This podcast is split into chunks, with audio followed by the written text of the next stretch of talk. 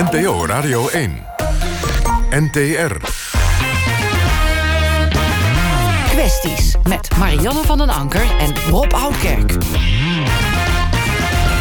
Vrienden van de radio, een hartelijk goedenavond en welkom bij weer een nieuwe aflevering van Kwesties, het live debatprogramma van NPO Radio 1, waarin wij actuele en brandende kwesties in Nederland met elkaar bespreken.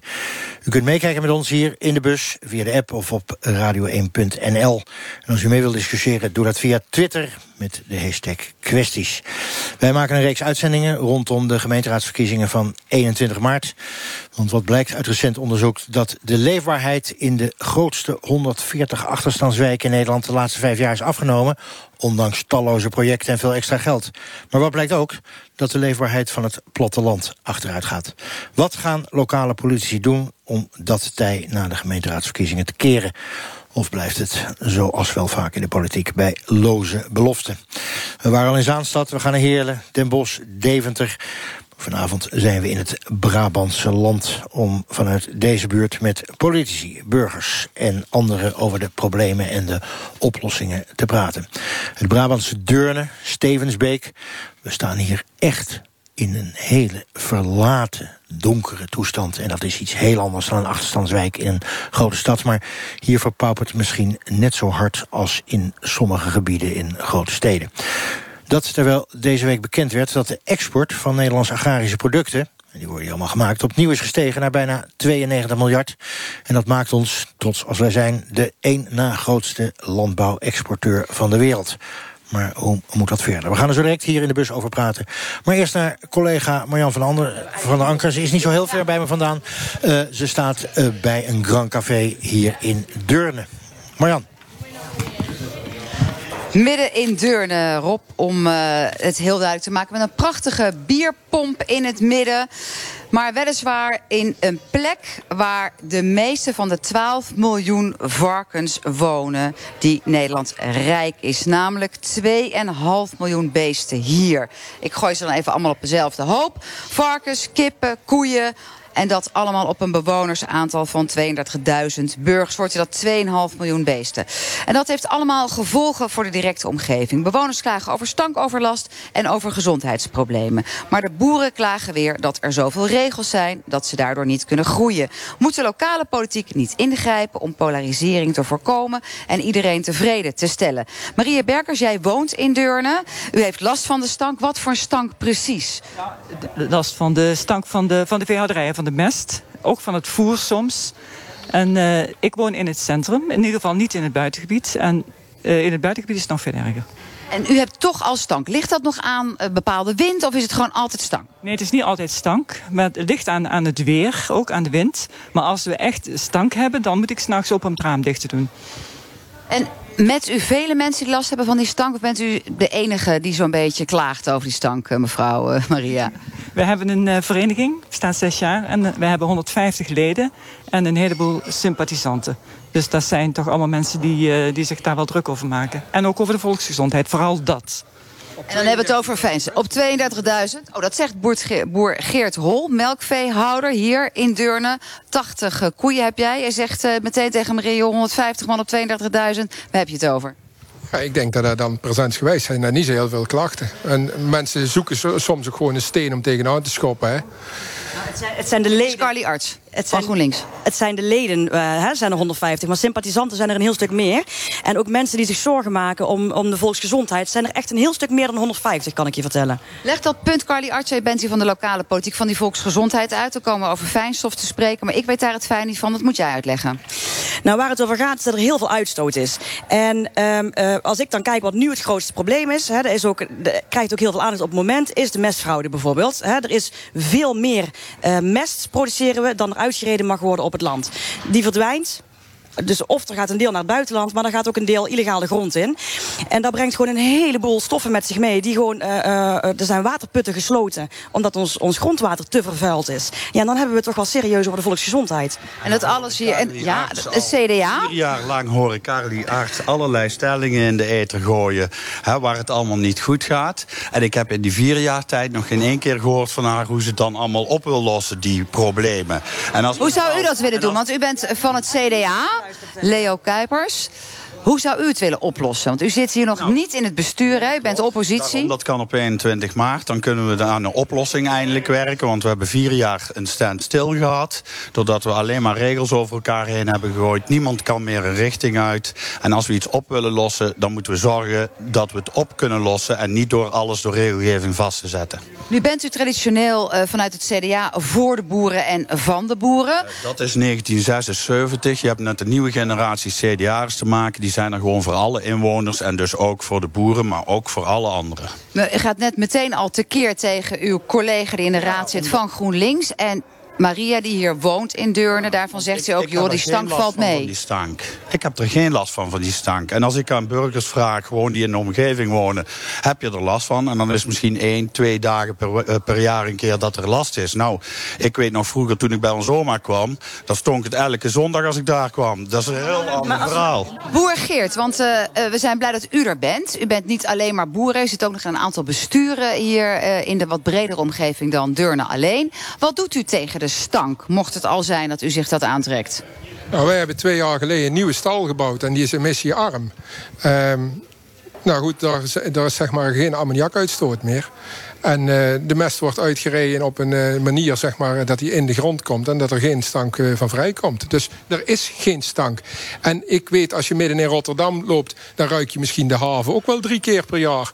Dat die stinkt van, eh, van het Rotterwater. Zegt u, het hoort erbij bij het boerenleven? Nee, want je mag best, je mag best op, CDA, je mag, Leo? je mag best streven naar nog meer verbeteringen. En dat moeten we ook zeker niet nalaten. Super belangrijk dat we elke keer weer kijken hoe we het verder kunnen verbeteren. Maar het is onzin om te zeggen dat er niks gebeurd is en dat, we, eh, dat het hier stinkt en dat het allemaal verkeerd is. Ja, er zijn probleemgevallen.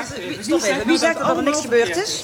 De, voor de mensen op de radio, de twee vrouwenstemmen... is één vanuit de politiek, dat is Carly Arts... en één bewoner hier in Deurne, die stevig ook van het comité is... vanuit bewoners in Deurne die zich druk maken over stank, fijnstof... en de mestfraude. Vooral. Het gaat vooral om gezondheid. Het gaat niet alleen om stank. We hebben het vooral over. Ik bedoel, ik, ik, eh, ik ben moeder van twee hele kleine kindjes. Eentje is bijna drie, de andere is eh, vijf maanden. En ik hoop gewoon dat zij nog in een heel gezond dorp gezond oud kunnen worden. En daar maak ik me zorgen over. Ik ben vader van vier kinderen. En waarom zou ik, waarom zou ik dan geen gezondheid voor mijn kinderen willen? Wat is dat nou voor een, een standpuntname van. We gaan, eh, voordat we verder gaan discussiëren over stank... en over fijnstof en gezondheidsproblemen... en over de mestfraude, blijven we even bij de stank. Want Mirjam Vos is vanmiddag Deurne ingegaan... heeft gevraagd aan de mensen die we daar op straat tegenkwamen... ervaart u stank? Nee, niet echt. Dat, eh, ja, dat is platteland, dat hoort erbij. Dat, eh, als je dat liever niet hebt, dan ga je naar de stad en dan heb je wel andere stank. Ik heb er ook weinig last van. Dus eh, ja, het is wel lekker relaxed hier. Nee, totaal niet. Nee. Nee? Nee, en anders moet je ergens anders gaan wonen. hè? Het is natuurlijk niet fijn. Maar ja, ik, kan, ja ik, ik heb er zelf geen last van. Dus ik kan me moeilijk plaatsen in iemand die er natuurlijk wel last van heeft. Nou, dat is bij tijd en wijle. En dat ligt heel veel aan de wind. Maar ja, wij zitten hier ja, net aan de rand van het centrum. Dus ik denk aan het buitengebied wel meer gebeurt. Als iedereen eh, de regels eh, nakomt. Want eh, burgers en boeren eh, kunnen ook samenleven, denk ik. Dat is heel belangrijk. De boeren hebben de burgers nodig en andersom ook. Maar dan is het eigenlijk geven en nemen, denk ik.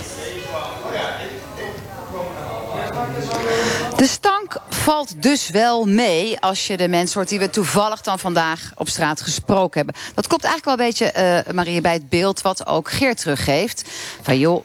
150, 150 geleden op 200.000 inwoners. Die stank, dat is niet het allergrootste issue. Is het dan toch meer het fijnstof waar u zich zorgen over maakt? Ik maak me wel druk over de stank. En kijk, ik denk dat ze in het centrum eh, mensen gevraagd hebben. Als je in het buitengebied eh, zou gaan, dan zou je een ander verhaal krijgen. Maar mijn grootste zorg is de volksgezondheid. Eh er liggen rapporten onder, dus het is niet zomaar een, een eh, slag in de lucht. Waar ik me vooral heel erg druk over maak, is over de infectiedruk. Hoe meer beesten hoe hoger de- bij elkaar, hoe hoger de infectiedruk. En de vraag is niet of er nog eens een keer een uitbraak is. De vraag is alleen wanneer. En dat zeg ik niet, dat zeggen de artsen die daar verstand van hebben. En dat is het grote risico. Er moeten gewoon minder beesten komen, want anders dan, dan gaat het verkeerd. Dan gaat het hartstikke fout. En dat is, ja, Er meneer van het CDA, Leo Kuipers. En dat is vier jaar geleden, toen we ook in debat waren met elkaar. En toen heb ik aan iemand in het publiek gewoon gevraagd... beste mevrouw, wat wilt u eigenlijk? Een beter leefklimaat of minder dieren? En zij koos voor minder dieren en ik kies voor een beter leefklimaat. Nou is het wel zo, uh, dat moeten we dan toch ook uh, aan u voorhouden van het CDA en ook aan de boer Geert Hol, dat het RIVM heeft een rapport uitgebracht dat er daadwerkelijk gezondheidsrisico's zijn. Er zitten hier best wel heel veel beesten op een relatief klein aantal inwoners. En er is een rapport van mestfraude onder in de la verdwenen. En de dappere minister Carola Schouten, overigens ook met de C van de ChristenUnie, heeft dat rapport wel meteen op tafel gelegd. Want er wordt wel gewoon gedonderstraald hier met mest. Nou ja, ik ga die uitlating niet doen. Maar dat er iets aan de hand is, dat is duidelijk. Want anders ligt er geen rapport. En dan is het gewoon goed dat daar actie op ondernomen wordt. En wie zou daar nou tegen kunnen zijn? Daar moet gewoon actie op ondernomen worden. Alleen de manier waarop het dan vervolgens in beeld wordt gebracht... alsof alle boeren fraudeurs zijn. Hè, flink overdreven. Waar met grote letters alsof de hele agrarische sector niet deugt. En vervolgens een dag daarna een klein correctietje staat... dat het toch zeker een procent of 20 minder is. Dus het valt hier mee. Het valt hier mee. Ik wil aan Geert Hol, de boer, vragen. Want jij zegt stank overlast doe ik wat aan. En straks horen we ook in het stuk waar Rob uh, staat over de boerderij van de toekomst. Die heb jij ook. Zo'n tent run jij ook. Maar er is hier ook mestfraude. Er wordt ook geklaagd over fijnstof, stank, ammoniak, gezondheidsrisico's. Wat is daar dan op je antwoord? Want voorlopig is er nog geen boer die achter de tralies zit of gepakt is. Is het er dan helemaal niet, die mestcriminaliteit? Er zal best links en rechts ergens een keer iets gebeuren. Uh, de mate waarin het uh, nou in de pers naar buiten gebracht is. En dat is een beetje van de zotte. Als ik op Omroep Brabant meneer Van Houten wil vertellen dat we... Uh, Wie is meneer Van Houten? De gedeputeerde van de SP. En die vergelijkt ons met de drugscriminelen die uh, hier in Brabant rondlopen. Daar hebt u geen gelijk in. Maria, bewoner. De vraag was, wat is een groter risico? De, de mestoverschot uh, of de drugscriminaliteit? En dan zegt hij het mestoverschot. En daarmee vergelijkt hij geen boeren met criminelen. Ja, dat zo is het wel. Vanuit GroenLinks, want daar dan de politiek. De boer zegt eigenlijk van het is een beetje overdreven. Het valt wel mee. Nou, met die mestcriminaliteit? We hebben um, uh, vier dagen voordat het rapport in NRC kwam... hebben wij in de gemeenteraad hier in Deurne hebben wij een motie ingediend... gebaseerd op het Nationaal Dreigingsbeeld 2017... georganiseerde criminaliteit, waarin mestfraude uh, aan bod kwam. Hebben wij een motie ingediend om handhaving op te schroeven. Nou goed, die motie is helaas verworpen. Maar goed, dat is, dat is gewoon een, een rapport van de nationale politie. Maar dat waar pleiten jullie? Want we hebben het ook over lokale politiek. Wat, ja, welk verschil kunnen jullie maken? Want alle uitbreiding waar we zo nog over te spreken... provinciale staat. We zitten hier met feitelijk heel lullig de lokale politiek. Wat, wat vermag jij dan als GroenLinks raadslid straks? Het verschil dat wij kunnen maken is dat wij en zelf beter gaan handhaven in de gemeente... op de gebieden waar we dat mogen en op de gebieden waar we dat niet mogen... zullen wij samen... Mestpolitie? Mestpolitie? Ik, zou weet ik niet. Zover zit ik daar niet in. Maar je hebt in ieder geval je hebt gewoon uh, uh, handhavingsmogelijkheden. Maar wat je vooral denk ik moet doen... is aan tafel gaan met die minister en met de provincie... om eens te gaan kijken hoe gaan we dit samen aanpakken. Want ik denk dat je dit van alle kanten aan moet vliegen. Dat zei Carly Arts, fractievoorzitter van Progressief Akkoord GroenLinks. Uh, Leo vanuit de CDA, het CDA, wat zet u er tegenover? Nou, we moeten inderdaad wel samen aan de slag. Alleen ik proef niet dat het op uh, deze manier goed gaat komen... wanneer we telkens burgers tegenover boeren proberen te plaatsen... en in een polariserende strekking komen. We moeten... Nee, nee, want maar wat we staat er in jullie verkiezingsprogramma? Over fijnstof, ammoniak en mestfraude. In het verkiezingsprogramma staat dat wij na 21 maart... als iedereen zo slim is om op het CDA te stemmen... dat wij gaan werken aan oplossingen in het buitengebied... voor boer en burger. En daar zullen we samen... De B&B, dat is een andere dan een bed and breakfast... voor al die boerenbedrijven die leeg komen te staan. Voel jij dat ook zo, boer Geert Hol... dat het burgers versus boeren is hier in Deurne? Ja, hier in Deurne schijnt dat dus zo wel te zijn. Ik woon in Odiliapeel en uh, wij hebben met de uitbreiding een, uh, een bijeenkomst gehad voor de buurt om ons plannen toe te lichten. En uh, er is een rapportje van naar de provincie gestuurd. Daar zijn we verplicht in de nieuwe provinciale vergunningen. Ehm, we hebben de plannen toegelicht. Daar is links en rechts een vraag over gesteld. En uh, we hebben de goedkeuring gekregen. En daarna hebben we een potje bier gedronken en een zak chips leeg gegeten. Ja. En we... Met elkaar, dus dat kan wel. Ja, dat kan wij, wel. Want wij hebben in een zaal, vlak voor de discussie... met boeren en burgers bij elkaar gezeten. Daar hebben we voorstellen gedaan om te kijken... hoe we in het buitengebied tot oplossingen konden komen. Daar waren zowel de aanwezige boeren als de aanwezige burgers mee eens. Daar hebben we een amendement ingediend ongeveer drie weken geleden. En dat is door iedereen uh, tegengestemd. En dan kom je dus niet tot oplossing. Maar het Terwijl- klinkt hier nu niet, hè? want we hebben net ook eh, Carly gehoord vanuit eh, eh, GroenLinks en eh, mevrouw Maria Berkers, dat dat hier in Deurne ook aan de orde is. Want jullie zijn, Maria? Eh, we moeten het samen oplossen. In Deurne is eh, sprake van een van illegaal dumpen van mest van 450.000 ton. Maar wat wil jij dan als bewoner? Ik snap niet wat de burgers daaraan kunnen oplossen. Dat is gewoon flauwekul. Maar jij wil niks. Jij wil, dat, wat- wil je dat de boeren weggaan? Wat wil je dan? Nee, eh, kijk, Nou, eh, hoe los je het op? hoe, ik, hoe ik het het gaat, het gaat vanzelf, het lost zichzelf wel op. Over tien... Hoe dan? We zitten nog niet allemaal aan de tofu. We hebben ook nog een dubbeltje per melkpak erbij. Over 10, 15 jaar zijn hier geen, is hier geen intensieve veehouderij meer, behalve een paar hele grote.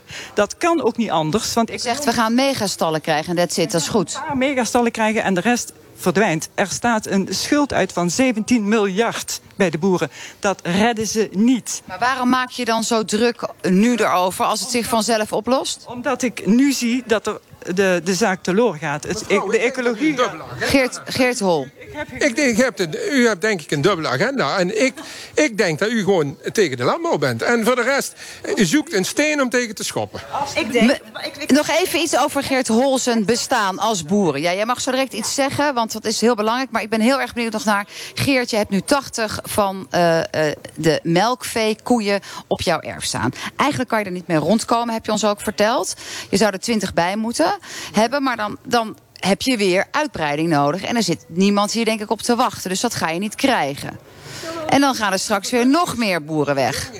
De vergunning is gewoon geregeld. Alleen sinds zeg maar, de, de vergunning afgegeven is, zijn de koerechten eh, in het leven geroepen. En eh, op de peildatum zeg maar, van de koerechten had ik er dus te weinig. En dus ik mag nou koerechten kopen, bij wijze van spreken. En ik heb gewoon een vergunning. Om. Maar ga je het redden? En gaan de medeboeren het redden tegen de megastallen? Want dat is een ander punt wat Mieke de bewoner inbrengt. De provinciale staten hebben een, eh, een eh, plannetje neergelegd... wat voor de gezinsbedrijven, voor de normale gezinsbedrijven... een hele zware wordt. En de grote eh, megabedrijven met investeerders, eh, die, eh, die gaan toch wel door. Maar de gewone normale gezinsbedrijven, die, die roken een zware sigaar. Dat is natuurlijk die vervroegde 2022-regeling. Jij krijgt het laatste woord. En dat eh, betekent dat ik je wel in de gaten ga houden. Maar daar komt ze dan. Jong talent, hè? lokale politiek Deurne. En dat is Cardi Arts van GroenLinks. Dankjewel. Nou, wat, ik, wat mij heel erg eh, tegen de borst stuit, echt, is dat, dat wij eh, in ieder geval door het CDA weggezet worden als, als tegen de boeren en als polariserend. Terwijl juist die mestfraude aangepakt moet worden. Niet alleen voor de gezondheid van onze inwoners, maar ook voor die eerlijke boer die op een hele goede manier zijn geld probeert te verdienen. Want die wordt gewoon. Ben je dan die wordt- tegen megastallen? Eh, ja. Maar ik, wat, ik, wat ik zeg is, je moet gewoon ook die boer die op een eerlijke manier zijn geld probeert te verdienen, die moet je beschermen. En daardoor moet je echt iets tegen die mestfraude doen, want die redt het daar niet tegen. Nou, en dat gezegd hebbende zijn we van stank uiteindelijk bij het centrale thema van mestfraude, mestcriminaliteit en mestpolitie aangekomen. Wellicht wordt dat het thema wat jullie ook tot aan 21 maart beet gaat houden. Wij danken jullie voor dit moment vanuit deze plek in Deurne. Carly Arts, fractievoorzitter Progressief Akkoord GroenLinks. Leo Kuipers, fractievoorzitter CDA. Maria Berkers van het comité. En boer Geert Hol. Dank jullie wel. Rob, terug naar jou. Zij Marianne van Anker en zij komt uit Rotterdam oorspronkelijk. Burgers versus boeren. Het is 22 minuten over 8 uur. Luister naar het programma Kwesties. We gaan het hebben over de verpaupering van het platteland. Over heel veel boerenbedrijven die stoppen. Nog maar even de cijfers. 350 boeren per jaar stoppen met hun bedrijf in Noord-Brabant. Ik schrok toen ik dat cijfer hoorde. 8% stond leeg in 2016. 25% wordt dat over een jaar of 10 tegen 2030 aan. En naar verwachting gaan er steeds meer stoppen door gebrek aan economische kansen. Logisch zou je zeggen. Toenemend aantal regels. Gevolg leegstand, verpaupering. Maar in al die lege boerderijen ook verschillende criminele activiteiten. Illegale bewoning, drugspanden. Je kan het eh, er van alles bij bedenken. Wat gaan we doen met zo'n leeggelopen platteland? Meer recreatie bijvoorbeeld in de bestemmingen. Opvang van junkies, ex-alcoholisten. Sociale woningbouw. Of toch maar meer natuur in de bus. Wij staan vlakbij een zeer verlaten boerderij. Ehm, een boer, leden van Provinciale Staten, een lokale politicus. Iemand van de Milieubeweging. En ik ben even buiten gaan lopen in het donker. En ja, eh, in het donker zien niet zoveel, maar je ziet wel hoe verschrikkelijk eh, verlaten het is. Jos Verstraten, uh, boer hier in Brabant. Uh, je hebt voornamelijk koeien, heb ik begrepen. Klopt. Als je dat nou zo ziet, hè, ik, ik heb er maar één gezien, zo'n verlaten boerderij, maar er zijn er meer. Is er nou een bekend verschijnsel als je nou door Brabant heen fietst... als het op een mooie klaarlichte dag is? Ja, je kunt het niet altijd aan de buitenkant zien. Uh, maar zoals je net heel terecht schetst in jouw inleiding... Uh, ook gezien de discussie die we net meegekregen hebben vanuit Deurne... je ziet al, al sinds een jaar of 10, 15 leegstand toenemen... omdat er geen perspectief is voor opvolging op bedrijven.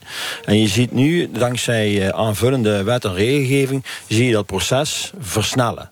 Dus er gaat nu een hoose van leegstaande boerderijen komen. Terwijl het in het verleden vaak de kleine boerderijtjes waren die een burger nog wilde kopen voor een stukje woongenot...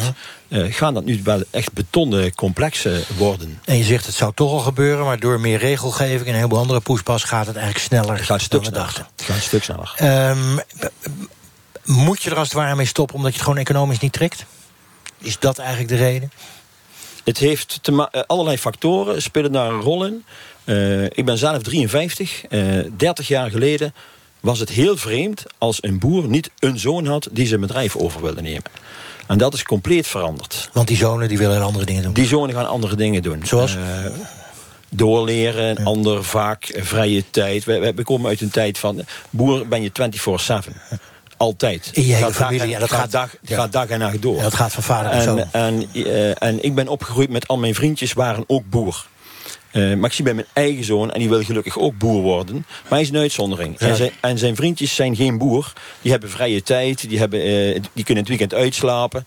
En dat geeft, dat geeft dat het boerenbedrijf voor veel jongens minder sexy is. Maar dat is interessant, want jouw zoon wil denk ik ook uitslapen, wil ook uit. Ja, dus ik ben ook heel benieuwd. Als hij neemt het bedrijf straks over. En ik heb een bedrijf zonder personeel, dus we doen het zelf wil hij heel zijn leven, dus arbeidssamenleving, de komende 40 jaar, wil hij 24-7 agrarisch ondernemer zijn? Of zegt je op een gegeven moment, ja, ik wil eigenlijk een bedrijf hebben... dat ik maar gerust had, een keer op vakantie kan... dat ik een keer een weekend over kan slaan. Nou ja, dat... En dan wil je een groter bedrijf hebben met personeel. Dan snap ik dat ten eerste. Maar ten tweede, misschien, misschien redt hij het economisch wel niet meer... omdat hij gewoon moet opboksen tegen allemaal meegestallen... en weet ik veel wat allemaal. Ja, dat kan. Maar dan is dat een economisch gegeven. Oké. Okay. Uh, Theo Wijnhoven, actief in de milieubeweging, ook hier in de omgeving. Ja. Als ik nou fantaseer over een boerderij... ik ben een stadse jongen, dus ik mag erover fantaseren... dan denk ik, oh, leuk, erf, kippen, koeien, een pony voor de kinderen... Uh, gezellig? Of is, is, dat een romantisch beeld wat helemaal niet meer bestaat? Dat is uiteraard een romantisch beeld, maar dat klinkt al in jouw vraag door. Dat is zo. Nee, dit, uh, zo romantisch is het zeker niet. En vooral omdat dat soort kleine dingen... Daar, zelfs als je twee varkentjes op je erf zou willen laten rondlopen... moet je alweer daar een vergunning voor hebben. En dat is natuurlijk een van de basisproblemen waar we met z'n allen mee zitten... dat het Nederland eigenlijk een grote stad is... en dat we aan boeren zijn in een stad. En dat, uh, dat is het probleem waar de boerenstand tegenaan loopt. Wacht even, dat is interessant. We zijn aan het boeren in een stad. Kan je dat ja. uitleggen? Hoe, wat bedoel je daarmee? Nou, dat Nederland zo druk bevolkt is... dat een boerenbedrijf al heel snel zit in de buurt van een aantal niet-boeren... die daar uh, de problemen van ondervinden. En uh, als, je, als je heel veel ruimte hebt, dan zal de uitstoot van, u hebt het over strank, het probleem wat straks ging, ja. dat speelt natuurlijk al een stuk minder. Maar dan moet je wel die ruimte hebben en die is er in Nederland niet meer. We, we hebben een, we zijn, wat had je straks over hoeveel wij exporteren, wat de, de omzet is van, van het boerenbedrijf in Nederland. Maar 70% van de melk die we produceren gaat naar het buitenland. 80% van het vlees gaat naar het buitenland.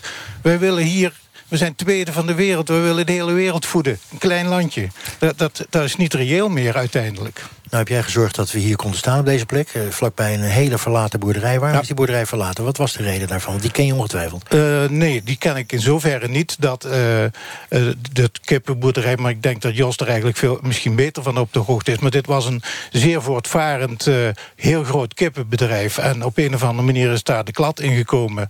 En nou ja, de, de geschiedenis daarvan is mij niet helemaal bekend. Maar dit is niet de enige leegstaande verlaten nee, boerderij. dat is me wel bekend. En, en over tien jaar sta, staat er nog veel meer leeg. Is, is het niet, ja. je zou bijna zeggen, um, afstervende tak? Ehm, nou, een, een probleemtak. Want uh, als ik dan hoor van mijn zoon wil niet het bedrijf overnemen... dan is het probleem misschien niet 24-7 probleem... maar het probleem zit hem vooral ook in dat heel veel jonge, jonge kinderen van boeren zien... dat een boer zijn hele leven lang werkt voor de bank... en dan moet hij dat overnemen en blijft met hetzelfde probleem zitten. Duidelijk, maar nou schets je ook een ander probleem. Je zegt Nederland is gewoon te klein uh, een heleboel mensen willen hier wonen. Er is geen ruimte. En we hadden het net bij Marianne al, hè, burgers versus boeren. Ja. De een vindt er veel stank, de, de, gezondheid, noem alles maar op. Die willen ja. gewoon niet in de buurt van zo'n boerderij wonen. Maar dat is toch onoplosbaar, tenzij we Duitsland en België eh, annexeren? Nou, dat probleem is inderdaad in die zin onoplosbaar. Dat als je ziet dat een varkensbedrijf... overigens een vark eh, levert op dit moment ook weer geen cent op... maar een varkensbedrijf heeft eigenlijk ook nauwelijks grond nodig tegenwoordig. Dat betekent dat hetzelfde varkensbedrijf, of het nou hier staat... en, 70, en 80% van het vlees exporteren... of we laten het bijvoorbeeld in Oost-Europa... zetten we hetzelfde bedrijf neer... waar de omgevingsproblemen in, in directe zin anders zijn... Dan, en dan verspreid je en dan produceer je misschien beter op de plek waar het ook gebruikt gaat worden. Oké, duidelijk. Jeroen van Leerop, uh, ook hier in de bus uh, uit de gemeente Deurne van de VVD, coalitiepartijen. Ja, klopt. Um, beetje succesvol? Uh, heel succesvol. Ja. Um, op, uh, op, op heel veel gebieden. Dit zal uh, financiën, partij dat ze niet succesvol nee, zijn. En wat ik in ieder geval nog wil zeggen, Rob, is volgens mij het meest ambitieuze zorgplan van Nederland gerealiseerd. Dus um, okay. succesvol. Die is aan jou. Zegt, moet je niet gewoon die Primag, hè, dat is geloof ik een... een wat is dat eigenlijk? Zo'n Primag is een primair agrarisch gebied. Het is een gebied wat wij in de gemeente Deurne aangewezen hebben... waarvan we zeggen, in dat gebied is boer eigenlijk... of agrarisch ondernemerschap, zo moet ik het zeggen... De, uh, als enige ruimtelijk uh, aanwezig. Dus geen wonen, alleen het agrarisch ondernemerschap. Punt. Punt. En daar woont niemand in de buurt en niemand heeft er last van. Klaar. Uh, dat, dat zou in de toekomst de bedoeling moeten zijn. Kijk, bedrijfswoningen zijn er. Dus de boeren wonen zelf bij hun eigen bedrijven. Kijk, nee, nee, maar voor de duidelijkheid. Het is dus een gebied waar, waar, waar dieren zijn. Waar een boer uh, de, de, zaak bestuurt. En dat is het dan. En mensen, weet ik veel, een kilometer daar vandaan of zo? Ik ja, als dat zou kunnen. Maar dat ja? is op dit moment natuurlijk niet de realiteit. Dat maar is Theo de realiteit, zegt, dat kan niet, want het is te vol. Dat is de realiteit waar je naartoe zou moeten. Ja? Maar hoe, hoe kom je de realiteit... Het is natuurlijk altijd prachtig om te schetsen... maar hoe krijg je dat in een dichtbevolkt land? Nou ja, ik denk dat in een, ook in het dichtbevolkte land Deur, uh, Nederland... en in een gemeente als Deurne, waar we een enorm buitengebied hebben... mogelijkheden zijn om dit soort gebieden te maken... en ervoor te zorgen dat... en ik denk ook dat innovatie daar bijvoorbeeld een onderdeel van is... ervoor te zorgen dat je uiteindelijk gebieden maakt... waar je zegt, hier, hier hoort uh, het agrarisch ondernemerschap thuis. En zijn dat dan die zo'n aan de megastallen? Moet ik me dat zo voorstellen? Ja, ik denk dat de regelgeving ervoor zorgt dat er steeds grotere stallen komen. Want en dat al die kleine boeren gewoon, die, die redden het gewoon niet? Ja, helaas is dat het geval. En hoe zwaarder de regelgeving wordt, hoe meer dat uh, gaat gelden. Zeker ook met de regelgeving die de provincie ja. pas uh, weer... Uh... ah, daar is de provincie. Ja, Laatste, de provincie weer. Dit is de provincie. Ja. En, we hebben, en we hebben zoveel bestuurslagen. Nee, maar dat is, heel, dat is een mooi bruggetje wat je zelf maakt. Hoef ik het niet te doen. Uh, Arend Meijer, jij bent van die uh, ver, vermalendijde provincie namens D66. Hè, zit in de mooie provincie, vind ik zelf. Mooie ja. provincie. Maar goed, je zit in ieder geval in de Provinciale Staten. Uh, nou hoor je net van een gemeenteraadslid, in dit geval Jeroen van Lierop. Ja, luister, het is de provincie weer die al die regels maakt. Ja, ik denk dat wij inderdaad in de afgelopen uh, maanden... een historische stap vooruit hebben gezet... als het gaat over het verduurzamen van de agrarische sector. En het werd ook tijd. En dat we, moet met regels. Ja, ja, dat gebeurt wel met regels en kaders. En vervolgens is het aan ondernemers om tegemoet te komen aan die regels en die kaders. En daar zijn ondernemers. Wat wel interessant is, is dat ik net een VVD'er hoorde zeggen... dat hij het ruimtelijke ordening zo ging vormgeven... dat Deurne een industriegebied voor agrarische ondernemers wordt. Dat is toch regels uh, opleggen, lijkt mij. Maar nu even terug naar jouw verantwoordelijkheid. Want je zegt, luister eens, we willen verduurzamen. Als we willen verduurzamen, dan hoort er gewoon bij... dat sommige dingen niet meer kunnen. Hè. Je kan niet meer van alles doen. Je moet je aan bepaalde regels houden. Tegelijkertijd zie je dat door die regels... een heleboel boeren zeggen, ja, daar kunnen we niet meer tegenaan werken. Mm -hmm. Dus uh, wegboerderij, tel uit je winst. Ja, ik zou dat niet als winst zien als een ondernemer moet stoppen met zijn bedrijf. Nee, ik denk dat dat heel uh, vervelend is. Vooral voor de ondernemer zelf. Hè? Want stoppen met een agrarische ondernemer is gewoon, uh, onderneming is gewoon wel heel ingrijpend. Maar dat is toch tegenovergestelde van verduurzamen? Althans voor die boeren zou je juist zeggen, want die moeten ermee ophouden. Nou, voor die ene boer die zijn onderneming moet stoppen... betekent dat dat een heel ander soort toekomst krijgt... dan dat hij inderdaad uh, voor ogen had. En daarom hebben we ook een heel uit, omvangrijk flankerend beleid. Hè? 75 miljoen is er beschikbaar voor, voor omscholing en, en investeringen. Nou heb ik, mij, ik ben niet helemaal thuis op dit gebied... maar ik heb me laten vertellen dat de varkensindustrie... Een, eigenlijk een industrie is die twee keer zo groot is... als bijvoorbeeld een bedrijf als KLM. En hoe meer milieuwetgeving je krijgt... hoe meer die economische tak krimpt, toch?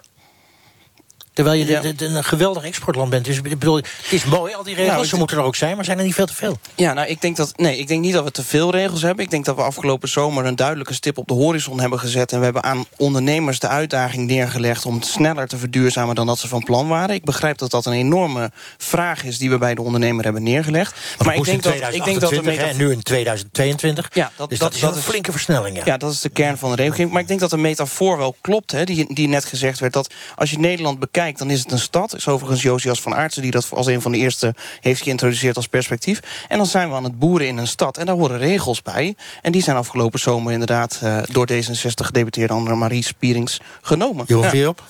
Nou ja, weet je, de versnelling is nog niet zozeer het probleem. Het probleem zit hem in dat er een ook behoorlijke verzwaring van de regels aan eh, te pas komt. Heel veel boeren die hebben geprobeerd ervoor te zorgen dat ze aan de regels eh, voldeden die de provincie al eerder gesteld heeft, 2028. U zei, u zei het net al, dat hebben we naar 20- 2022 naar voren gaan. Maar vervolgens zijn die regels zoveel zwaarder geworden dat er heel veel boeren zijn die flink moeten investeren. Voor die investering komt niets terug. Hè. Dat, eh, de- een gemiddelde stal, 1000 eh, varkens, moet voor 100.000 euro toch ook wel weer geïnvesteerd worden.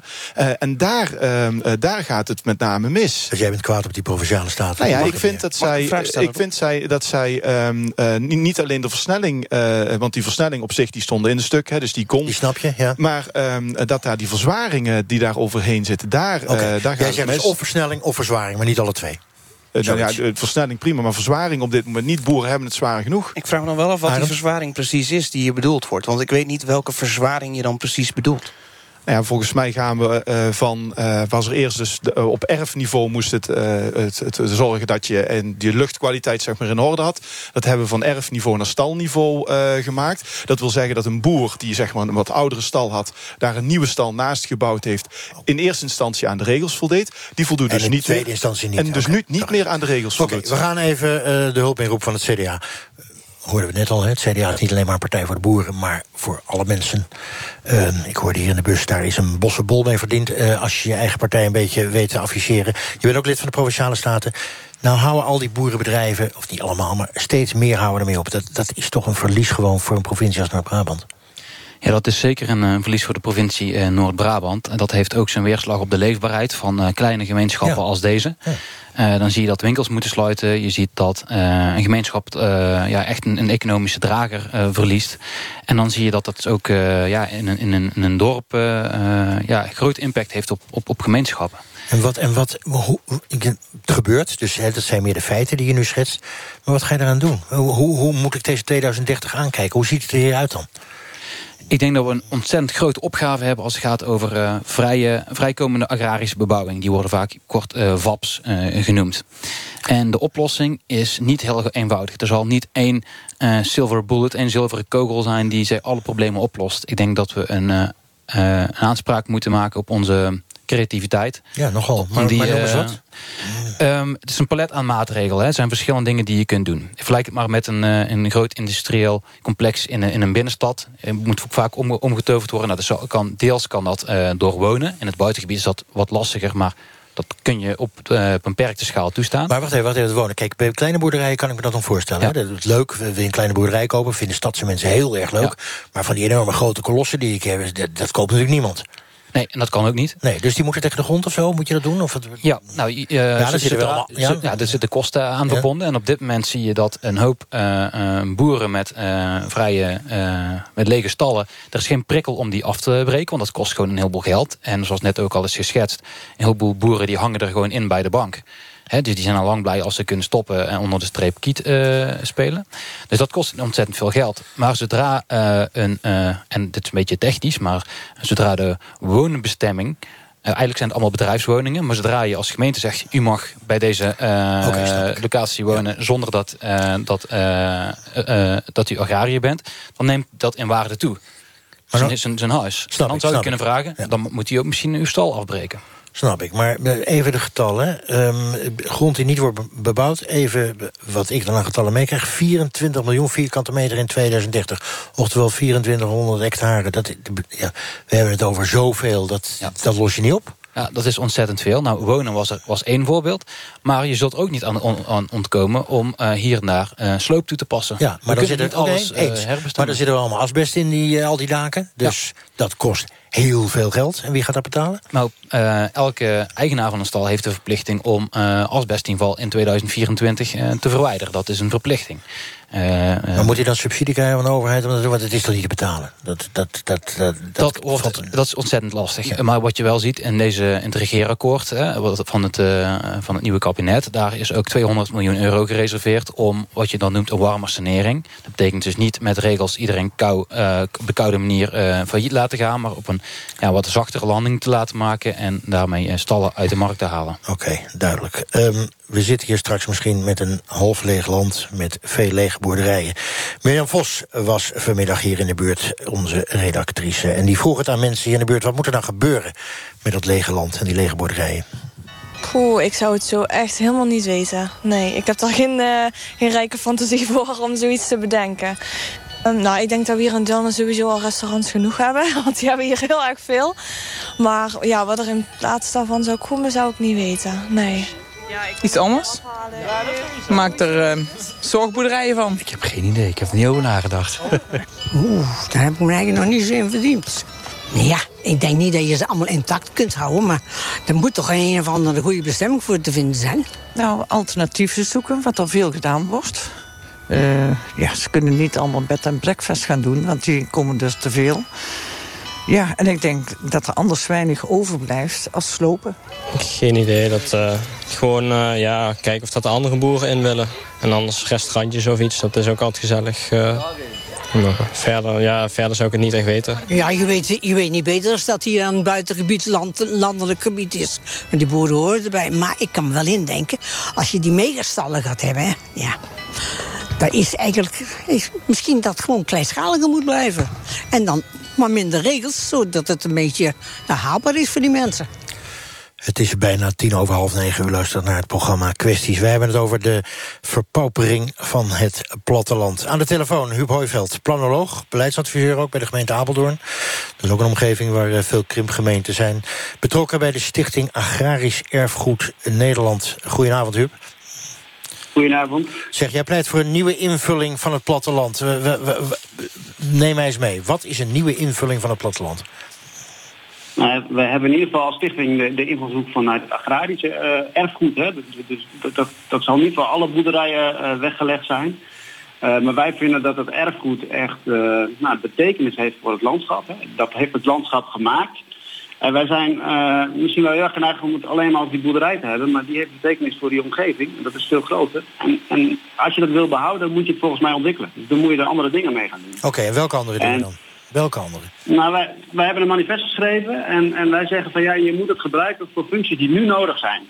Ehm, en dat zijn misschien eh, wel functies die al voorbij kwamen. Wonen, eh, werken, energieopwekking, die heeft niet langs horen komen. Ehm, misschien wel waterbeheer. Ehm, en je zult, zeker in het Brabantse, omdat het om heel veel vierkante meters gaat, ook gewoon moeten slopen met elkaar. Dus je kunt niet elke boerderij bewaren.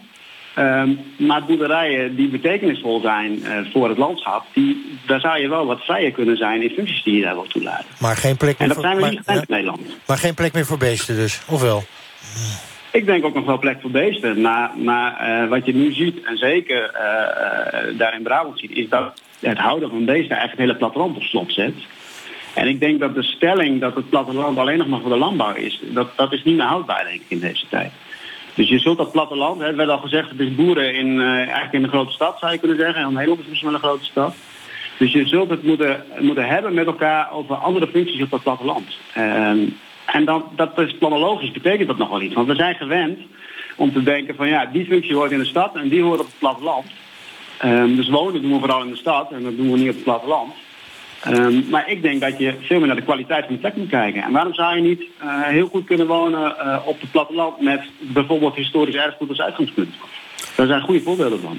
Oké, nou ben ik er als Amsterdammer. En eh, zo direct is het Brabantse land is in ieder geval leeg als het gaat om... of bijna leeg als het gaat om boerderijen. Maar dan zijn er hier, eh, weet ik veel, broedplekken voor cultuur, eh, restaurants. Dus daar moet ik dan maar naartoe gaan. Maar ik heb in Amsterdam natuurlijk zat van dat soort dingen. Dus waarom zou ik dan daarheen gaan? Helemaal eh, 150 kilometer rijden? Ja, maar waarom zou je daar per se als Amsterdammer naartoe willen? Hè? Eh, ehm, en, en, waarom vindt die Amsterdammer eh, eh, bijvoorbeeld die, die, die eh, bedrijfsterreinen aan de rand van de stad zo leuk? Omdat daar spannende dingen gebeuren. Dus, dus waarom zou je niet op het platteland ook spannende dingen kunnen laten gebeuren? Hè? En dat kan ook heel kleinschalig zijn soms. Ik weet het voorbeeld van, van Noord-Groningen. Dat is zelfs eh, ja, zeggen, een concertpodium in een oude boerderij. Wat doen ze daar? Symfonische rockbands programmeren. Ja, wie luistert daarna? Een hele beperkte doelgroep.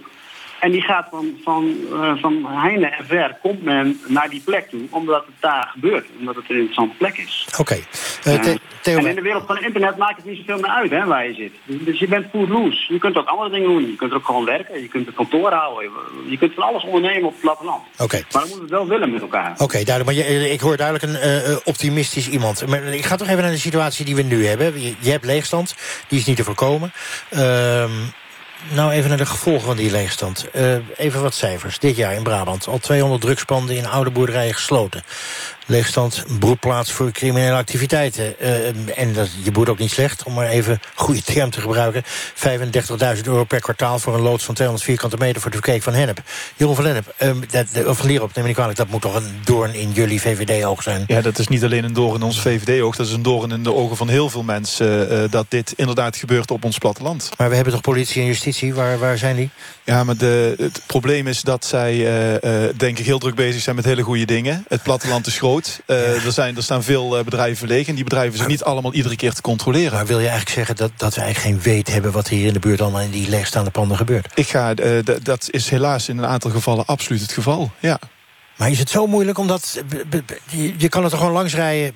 Maar ja, rij- als, u hier van, eh, als je hier smiddags er langs rijdt... dan zie je een leegstaande stal. Het is, eh, je ziet van de buitenkant nog niet eens of er misschien nog wel of geen kippen in zitten. Hè. Dat, eh, dat, dat, dat is leeg, dat, dat zie je niet. Ja, daar, daar is veel minder controle op. Je rijdt hier zo makkelijk langs.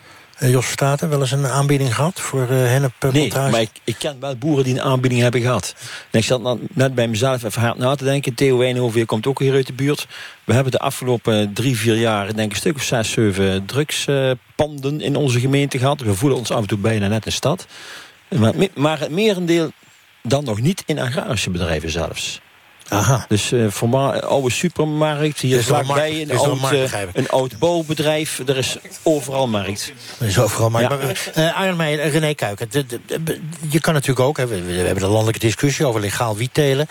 Je zou bijna kunnen zeggen, wij hebben hier plek om uh, wiet te telen. Eerst maar even Arend. Ja, dat is een heel goed idee ja, van jou, ja, Rob. Ja, ja. ja, het is bijna alsof nou, je research gedaan hebt. Ja, want nee, ik nee. heb dat inderdaad al een paar jaar geleden ook een keer uh, uh, bepleit. Ik denk, kijk, D66'ers zijn van het experimenteren. Ik denk dat je alle uh, uh, mogelijke experimenten uh, de komende tijd inderdaad ook op het agrarische gebied los moet laten. En of dat nou inderdaad kunst is of een ander soort ondernemer. maar misschien moet je er ook wel gewoon wiet gaan telen. En het huidige regeerakkoord staat dat soort experimenten toe. Dus uh, ik zie ze graag tegemoet komende René Kuiken, CDA, uh, doen? Uh, 40 van die 200 panden gewoon lekker wietplantages maken? Ja, nou, los even van de discussie of je dat moet willen... Uh, denk ik ook niet dat het veel zoden aan de dijk uh, zet. Uiteindelijk nou, heb je daar uh, misschien 10 locaties of 12, 14, laten we zeggen 20 locaties. Nou, en, en het probleem is veel groter. Dus ja, dat, is maar, uh, zou maar, dat zou maar een klein, heel klein dingetje van de onderoplossing kunnen zijn. Ja, ik denk, dat, ik denk dat René gelijk heeft dat als je kijkt naar de leegstand... dan is het inderdaad maar een klein percentage wat het oplost. Maar op dit moment gebeurt dat soort teelt gewoon op uh, zolderkamertjes midden in de stad... en blijkbaar hier dus ook in de oude supermarkt in Sint-Antonis. Um, maar dat zou ons toch wel helpen om dat op een veilige locatie in het buitengebied te doen. En dat is waar het pleidooi vandaan komt. Dan probeer even mee te denken met, met wat iedereen zegt. We hebben gewoon leegstand. Soms zelfs zie je het niet eens. Je weet niet wat erachter gebeurt. Je wilt toch een mooi Brabants land overhouden. Nou, dan kan het misschien niet meer met vee. Dan moet het met cultuur, dan moet het met restaurants... dan moet het met drugspanden, legaal heb ik het nu over... Uh, wellnesscentra, uh, legale... Ja, ik, ik probeer het ook maar, maar, maar je, zult, je, moet het leefbaar houden. Aantal... Wat denk je van een wormenkwekerij, bijvoorbeeld? Zegt de boer, een wormenkwekerij. Bijvoorbeeld. Ja, nee, ik vind het prima, maar hoezo kom je daar opeens bij? Nou ja, kijk, uh, insecten zijn, het, zijn misschien wel de eiwitproductie... Hè, de eiwitproducent van de toekomst. Omdat die nog efficiënter dan een varken of een kip... Uh, eiwit kunnen produceren. Maar dat is interessant wat je zegt, hè? want we, zitten natuurlijk in een hele vegetarische house. Het kan best zijn dat er over vijf Sommige jaar... plekken wel, maar hier zit je absoluut ja, hier, hier, hier eten heel veel vlees. Nou, je hebt wel eens grote steden... Waar, nou, je hebt heel veel vegetarische slagers tegenwoordig. Ja, Laten we even aannemen dat de Partij voor de Dieren... die er toch voor pleit, zeggen we... nou, we gaan toch even iets minder vlees eten... we gaan toch iets minder produceren. Nou, daar kan je van alles over fantaseren. Maar dit zijn dan de oplossingen van de toekomst... voor de boerderij van de, toekomst. De Brabantse ondernemer, en dat is niet alleen de Brabantse boer... maar Brabantse ondernemers zijn behoorlijk eh, innovatief altijd al geweest. En als er ergens een markt voor is, dan duiken ze erin.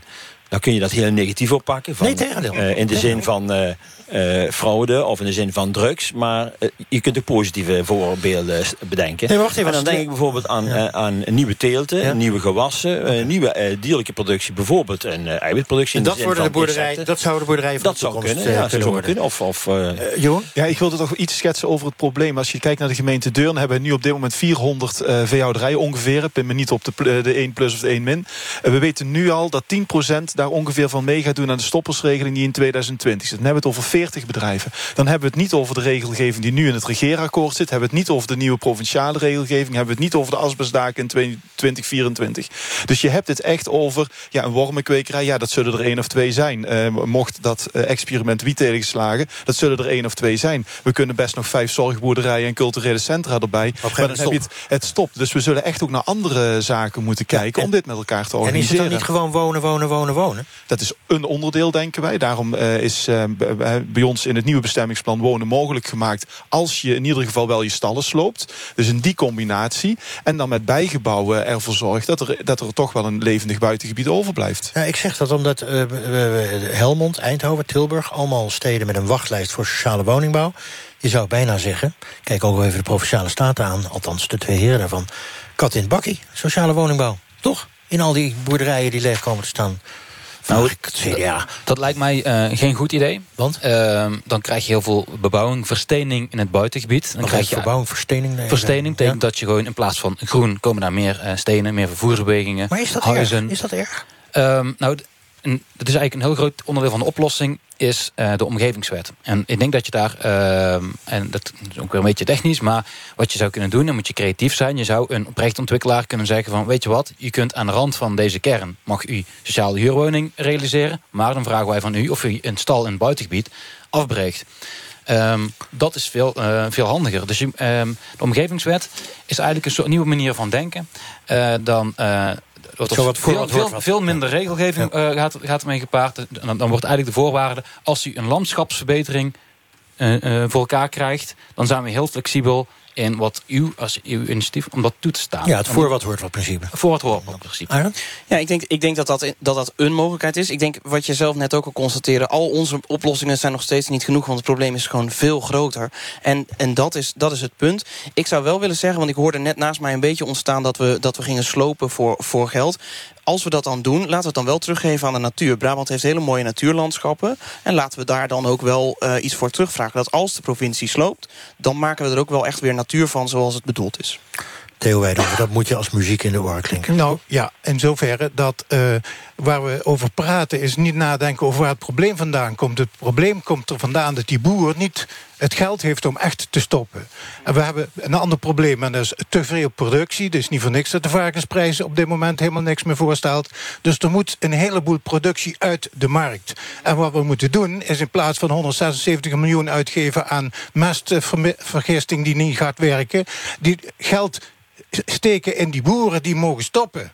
En dan kunnen we zeggen, oké, jij stopt... en doordat jij zorgt dat je geld krijgt... en dan kunnen we de boel afbreken... en dan kunnen we naar de natuur. En natuurlijk zijn er een aantal prima initiatieven... een, een kunstenaar die ergens een atelier wil beginnen... een Iemand die een zorgboerderij beginnen. Iemand die uh, een, een, een, stalling voor caravans wil doen. Maar we komen caravans en campers tekort voor, uh, om al die stallen te vullen. En dus er zijn gewoon een heleboel stallen waar we van moeten constateren dat die op hun plek staan. En bijvoorbeeld hier, vlakbij een bosgebied, weg ermee en terug aan de natuur geven. Dat is de weg.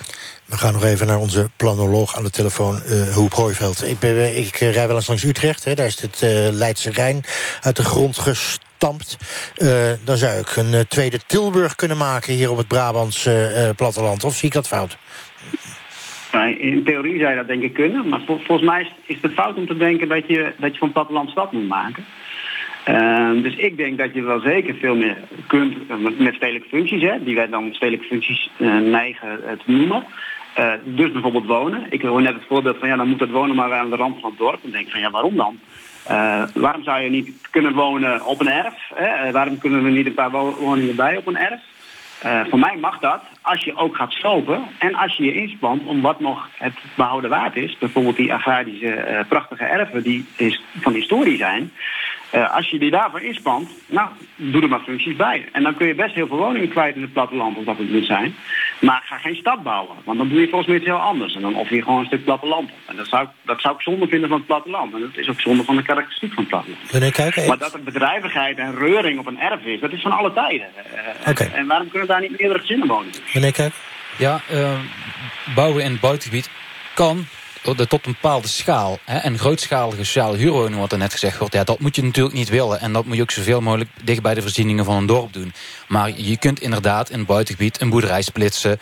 meerdere gezinnen daar laten wonen... maar zorg dat het niet te grootschalig wordt. Want ja, woonkernen, dat is toch wel voornamelijk eh, de plek waar je wilt wonen. Dus dan kun je betere slimme combinaties maken... en vragen een projectontwikkelaar moeite te, moeite te laten doen in het buitengebied... en echt de, de, de randen van het dorp eh, wat laten verschuiven. Je hebt ehm, toch veel gebieden in Nederland... waar bijvoorbeeld hele kerken die leeg komen te staan... omdat mensen niet meer naar de kerk gaan, die worden dan verbouwd. Daar komen 30, 40 gezinnen in te wonen. Je zou zeggen, ja, dat is niet de oorspronkelijke bestemming van een kerk... maar toch misschien wel een aardig idee. En waarom zou je dan niet met zo'n grote boerderij... waar ik net langs liep en waarvan ik van sok... en ik begrijp dat ik niet eens weet of daar binnen iets gebeurt, ja of nee... ik zie daar ook zo 40, 50 woningen voor me. Is dat een raar idee eigenlijk? Nee, dat is helemaal geen raar idee. Maar ik denk dat de denkfout die we ook vanavond maken... is dat we in één oplossing zitten te denken. Dus het moet of, of het moet een woning worden... of het moet industrie worden... of het moet... Waar, waar D66 voor pleit is dat we dat gaan flexibiliseren. Dus dat je gaat kijken, laat het maar eens gewoon gebeuren... en laten we maar zien wat er dan eh, ontstaat. Na twee jaar moet je dat goed evalueren. Je moet wel uitkijken dat er niet dingen ontstaan die we niet willen. Want we dachten ooit dat het een goed idee was... om het buitengebied industrieel te benoemen... en dat er dan allemaal agrariërs maar mochten gaan zitten... met alle gevolgen van dien die we nu aan het oplossen zijn. Maar die flexibilisering en die experimentruimte... die moeten komen. Volgens mij is René dat ook met me eens. Ja, eh, dat is precies eh, eh, de oplossing. Je moet niet denken van als overheid gaan wij... er is een probleem, als overheid gaan wij eens even bedenken... hoe wij dat vandaag op morgen op gaan lossen. Nee, er zit heel veel energie en creativiteit in die maatschappij. Een burger, een ondernemer zal dan de overheid benaderen... en waar wij voorheen als overheid zeiden... nee, dat kan niet, want het buitengebied regeltje, regeltje... zeggen we nu, als u een landschapsverbetering realiseert... prima, ga maar aan de slag. Jos, jij moet de creatieve eh, boer zijn die voor de hele leegstand in Brabant hier een oplossing moet verzinnen. En dan luister je naar. En je zit ook heel rustig te luisteren. Wat denk je? Allemaal klatergoud en flauwekul? Of denk je, er zit wel wat in? Er zit wel wat in. Ook veel klatergoud. En daar bedoel ik mee le- letterlijk klatergoud. Want als ik al hoor landschapsverbetering... dan moet je dus mensen hebben die hier naartoe trekken met een bak geld. En geld is het probleem.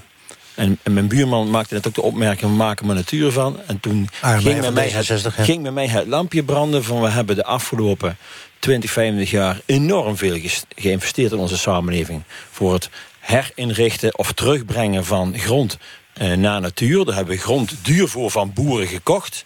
En vervolgens maken we er natuur van. En dat betalen de belastingbetalers samen.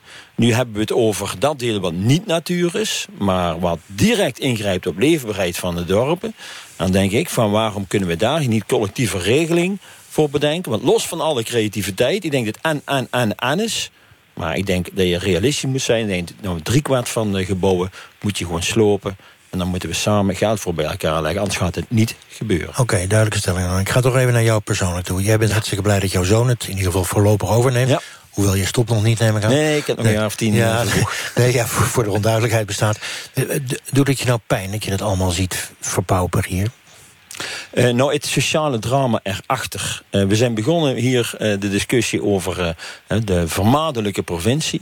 Ik vergelijk het wel eens ooit met het reorganiseren van een bedrijf. Als een bedrijf reorganiseert, dan hebben we afvloeingsregelen... en dan wil je altijd gedwongen ontslagen vermijden. Zo zit het in het bedrijfsleven aan elkaar. En daar heb je vakbonden voor nodig die dat proces sturen. Wat onze provincie nu heeft gedaan, die heeft dat proces van reorganiseren opgevoerd.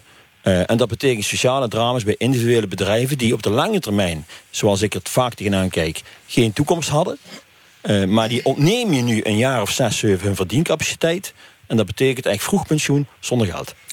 Duidelijk verhaal. We zijn er nog niet uit, maar we komen hier terug. Zoals overal waar de bus de afgelopen jaren is geweest. En ik hoop voor jullie dat de oplossingen er ook inderdaad komen. Tot zover deze uitzending op de dag dat in ieder geval één iemand... of één iemand, ja, één iemand het heel goed deed in Brabant. Dat was de jongen die scoorde in de allerlaatste seconde voor PSV. Zometeen Radiodoc over Paula, een verstandelijk gehandicapt meisje... met ook nog een psychische stoornis. NPO Radio 1. Schaarste en honger teisteren Venezuela. Ay, hambre, aquí está la gente, no joda, sufriendo. President Maduro geeft de ondernemers de schuld. La estabilidad y la paz de la república. Die zouden voedsel achterhouden om mee te speculeren en de revolutie te ondermijnen. Hier liggen de, de zakken met meel opgestapeld, de larina. Esto un esto de 5 o 6 días. Venezuela's economische oorlog. ¿Qué creen ustedes que busca la guerra económica? Morgenavond om 7 uur bij Bureau Buitenland. Op NPO Radio 1. Het nieuws van alle kanten.